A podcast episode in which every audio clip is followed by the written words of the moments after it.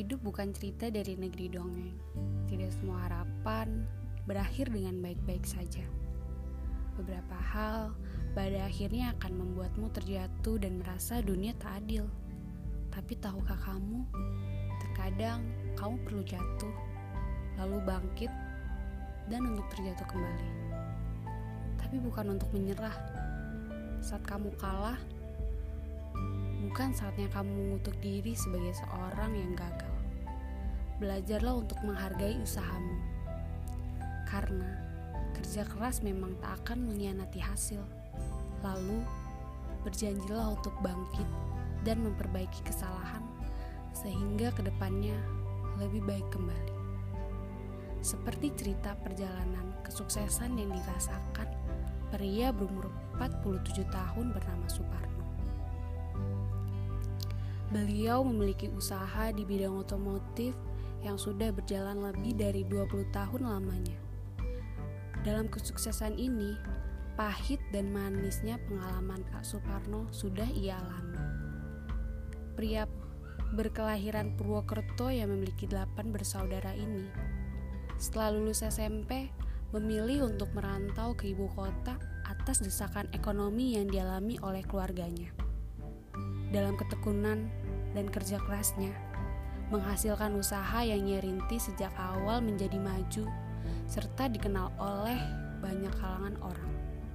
Salah satunya usaha yang ia miliki adalah bengkel Hastana Body Repair.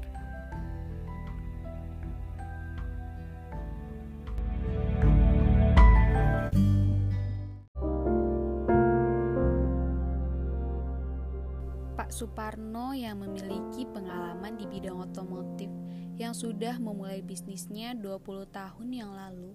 Menurut Pak Suparno, bengkel mobil yang awalnya ia dirikan pada lokasi saat ini yang ia tempati adalah prospek bisnis yang sangat bagus karena masih jarangnya bengkel mobil yang ada pada jalan alternatif Cibubur 20 tahun yang lalu.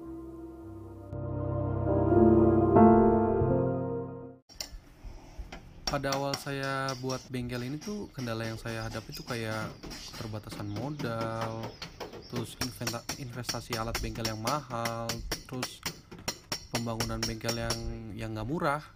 Itu apa halangan sama rintangan yang sudah saya hadapi. Siapa sangka sih pekerja harian kayak saya ini bisa yang cuma modal kerja keras aja bisa bikin usaha seperti ini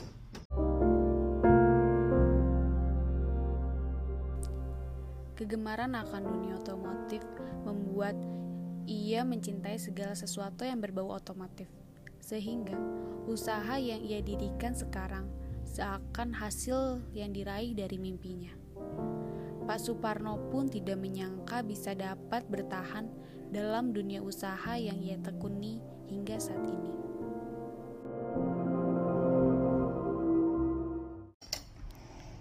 sebenarnya dulu tuh e, karena gimana ya kita ngelihat orang yang naik mobil tapi kan dulu kan yang naik mobil tuh kayaknya orang kaya doang. Orang kayak kita kan pasti bisa apa kan? Untuk makan aja sehari-hari masih susah. Apalagi nah, misalnya dapat mobil itu kan sekarang kan mustahil aja. Tapi nggak tahu kan nggak tahu kenapa kayaknya kerjaan kita tuh tiba-tiba ada di bidang otomotif. Saya tekunin tuh akhirnya sampai sekarang kayak gini emang dulu tuh bengkel-bengkel di daerah kita tuh banyak tapi sampai saat ini tuh kepercayaan customer ya itu jadi jadi itulah wadah di bengkel Hastana jadi customer tuh milih bengkel kita dibanding bengkel lain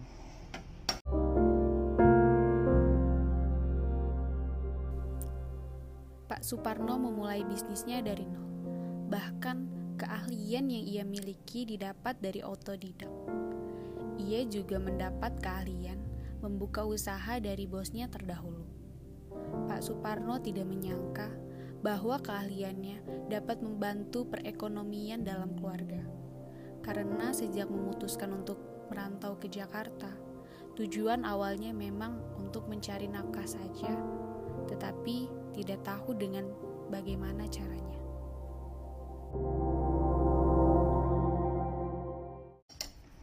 Waktu pertama kali saya ke Jakarta tuh awalnya tuh saya diajak sama tetangga saya buat kerja. Itu tuh pas saya habis lulus SMP terus pas saya sampai di Jakarta saya dititipin sama tetangga saya untuk kerja di bengkel punya temennya. Udah tuh saya bekerja sampai tiba-tiba kejadian tahun 98 kondisinya kan nggak kondusif tuh. Karena bengkel saya punya tuh milik punyanya orang Cina itu yang bikin saya tuh pergi dari bengkel itu terus jadinya saya dipindahin ke pinggiran Jakarta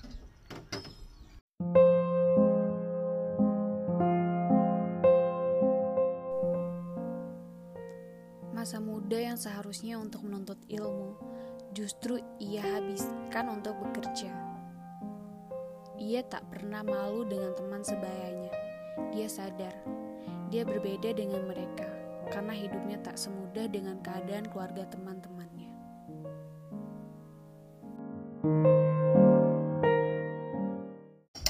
ya saya sih dari kecil tuh, tuh udah diajarin hidup mandiri. Ya gimana ya kalau hanya mengandalkan orang tua saya dulu tuh bisa jadi saya sama adik saya tuh nggak makan sebenarnya saya tuh kerja bukan dari kemauan saya sendiri tapi karena kebutuhan ekonomi keluarga buat tambah-tambah uang jajan juga kan terus sisanya nih kalau saya kerja tuh saya kasihin tuh ke orang tua dan adik-adik saya yang di kampung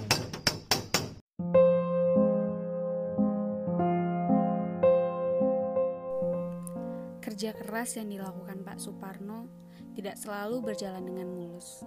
Ada banyak kegagalan yang ia alami seperti pernah tertipu oleh rekan kerjanya dan juga diambil alih usahanya. Dalam pengoperasian bengkelnya, Pak Suparno dibantu sekitar 22 karyawan tetap dan juga 8 orang pegawai panggilan.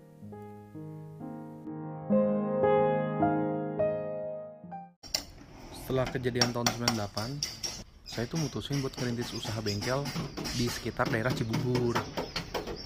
Karena pada saat itu modal yang saya gunakan tuh dapatnya tuh dari tabungan saya pas kerja. Saya bikin bengkel tuh di tanah yang masih kontrak saya kontraknya tuh selama 2 tahun. Awal 2 tahun pas saya ngontrak tuh nggak ada kejadian apa-apa kendala apa pun nggak ada. Tapi setelah 2 tahun pas saya ingin memperpanjang kontrak si punya si pemilik tanahnya itu naikin harga yang gak wajar pada tahun itu. Menurut saya itu ibaratnya tuh ngusir saya lah dari tempat yang yang ia punya. Setelah saya negosiasi pun tetap dikasih. Ya gimana lagi terpaksa lah terus pindah kan saya pindah juga nggak jauh dari bengkel yang saya tempatin yang lama. Masih di daerah situ juga. Cuma di tempat yang baru ini saya jadi, jadi harus mulai dari awal lagi. Karena bengkel yang lama kan udah diambil alih sama yang punya tanah. Pada awalnya tuh ketika saya mulai usaha tuh saya cuma ditemenin sama empat teman saya pas kerja dulu di Jakarta. Tapi setelah itu kita mulai usaha bareng-bareng. Yang satu tuh ada bagiannya masing-masing yang satu tuh buat orang tukang cat satunya lagi tukang las yang satunya lagi itu dia khususnya tuh tukang debul sama poles. Kalau saya tuh sebagai yang handle kerjaan mereka kan lima tahun kemudian tuh bengkel kami perkembangannya lumayan signifikan karena mulai banyak customer kan. Terus yang tahu bengkel kami juga semakin banyak. Dari awalnya kami empat orang nih sekarang alhamdulillah kita punya 22 karyawan tetap kadang kan kalau nggak ke handle juga kita harus ini ada kerja tambahan kayak borongan gitu Dengan bermodalkan tekad yang kuat Pak Suparno selama 20 tahun bekerja, hanya dengan lulusan SMP, tetapi mampu mempekerjakan karyawan-karyawannya yang bersarjana dan membuka beberapa usaha lainnya. Bukankah itu menjadi suatu hal yang sangat menginspirasi? Karena walaupun pendidikan memang sangatlah penting, akan tetapi jangan pernah merasa berkecil hati walau hanya lulusan yang tidak tinggi. Yang penting, kita harus selalu berusaha dan ikhtiar, karena kehidupan akan selalu naik dan turun. Jangan berhenti berjuang, jangan berhenti bersyukur, jangan berhenti percaya. Niscaya semua akan indah pada waktunya. Tonight changes into something red. Her mother doesn't like that kind of dress. Everything she never had, she's showing off. Driving too fast, moon is breaking through her hair. She's heading for something that she won't forget. Having no regrets is all that she really wants.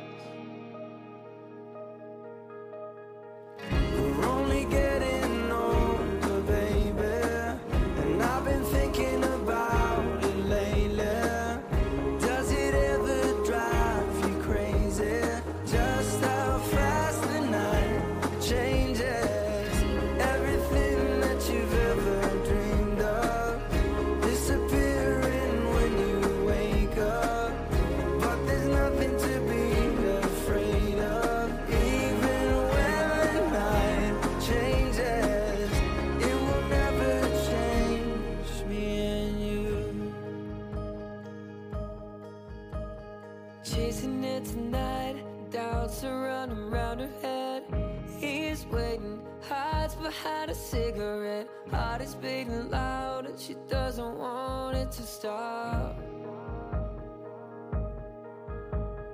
Moving too fast, moon is lighting up her skin. She's falling, doesn't even know it yet. Having no regrets, it's all that she really wants.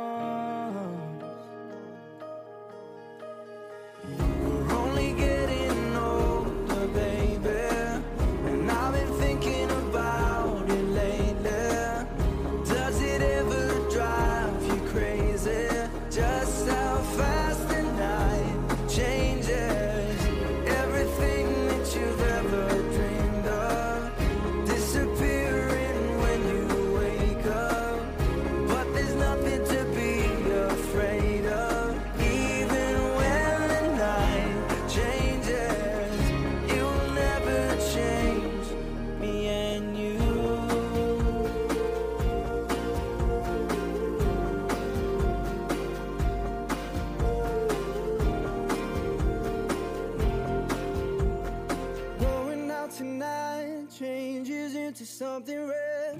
Her mother doesn't like that kind of dress. Reminds her of the missing piece of innocence she lost. We're only getting